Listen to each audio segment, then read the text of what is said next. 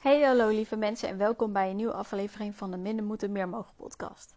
Vandaag wil ik het hebben over de opdracht waar we, waar we voor staan.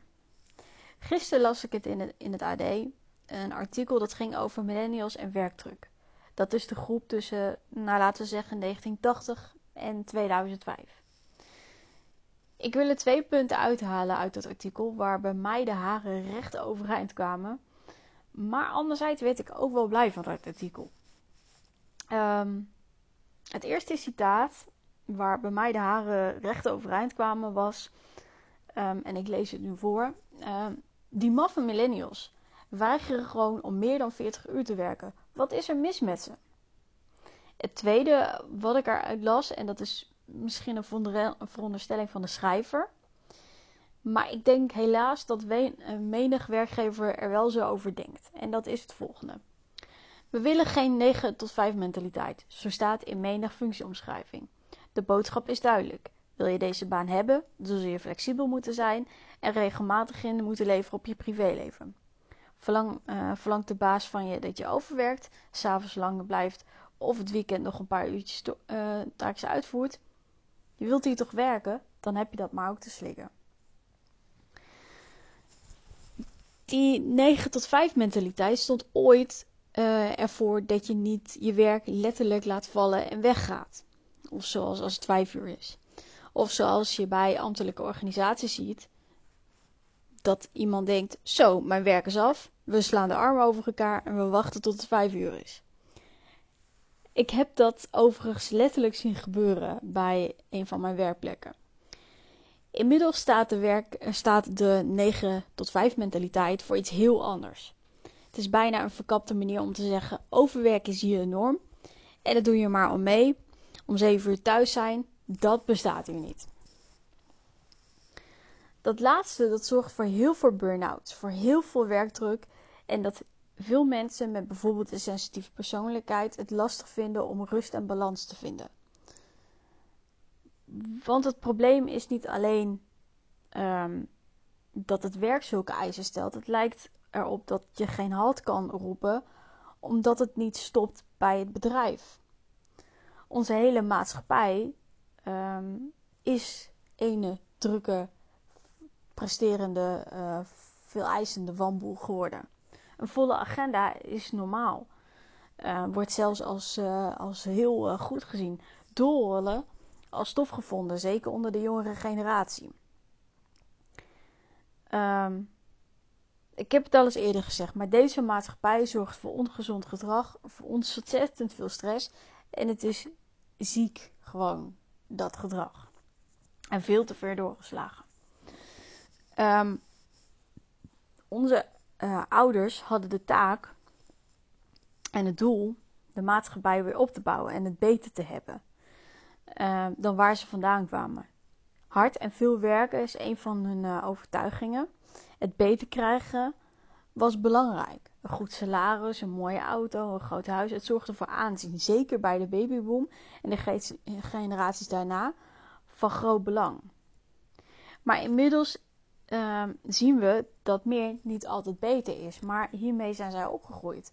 Dit is wat hun, uh, want zij waren naoorlogsgeneraties ook belangrijk was. Dat, het, dat er weer dat er weer fundament kwam onder die, uh, onder, bij de maat, in de maatschappij.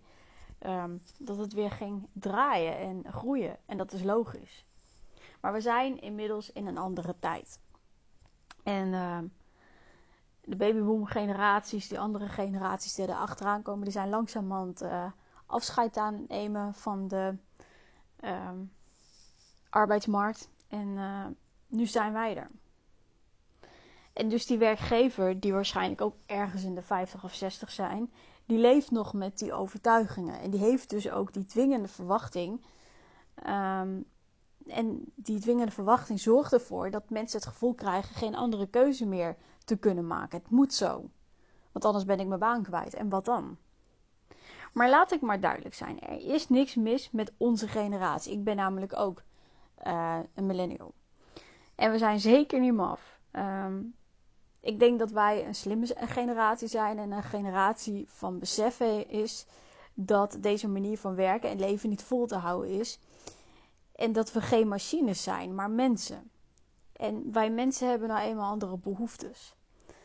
Ehm, wij hebben geleerd om um, gezond, ge, ja, gezond te leren eten, drinken, uh, sporten.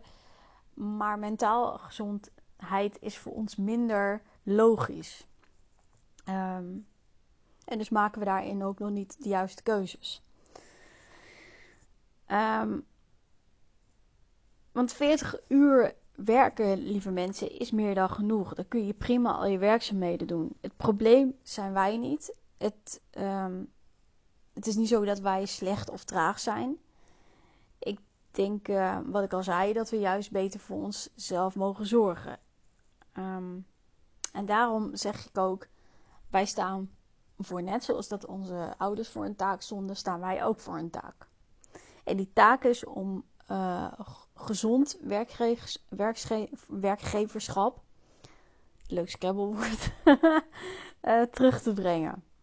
Om tegen onze werkgevers te zeggen dat goed genoeg is. Zo, um, ja, dat, dat, dat ze um, dat gezond werkgeverschap in plaats van goed werkgeverschap belangrijk is. Dat dat voor ons hoog in het vaandel staat.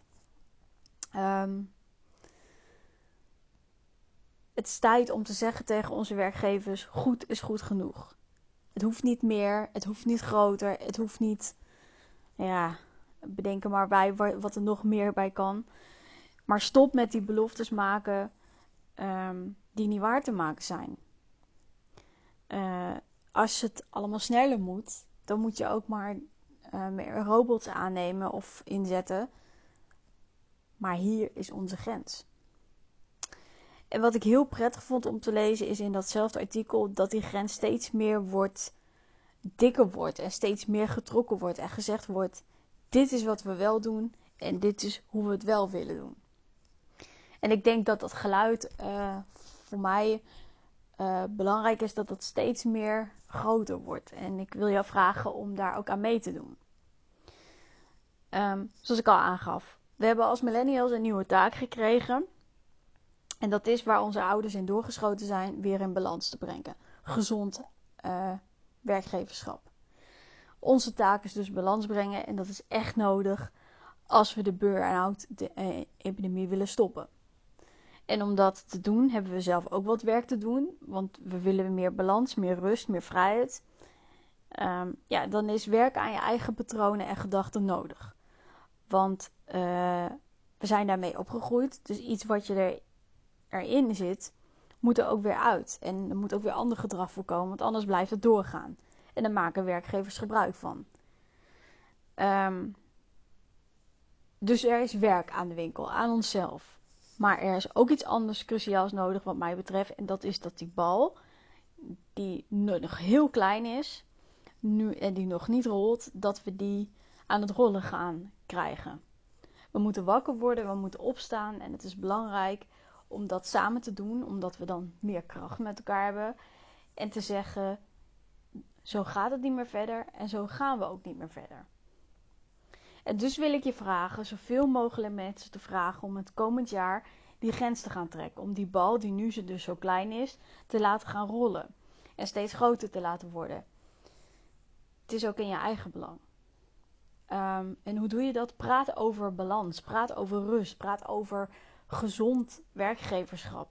Het moet een onderwerp worden wat normaal voor ons wordt allemaal, om het over te hebben net zo normaal eigenlijk als dat het voor ons ouders was om over hard en veel te werken.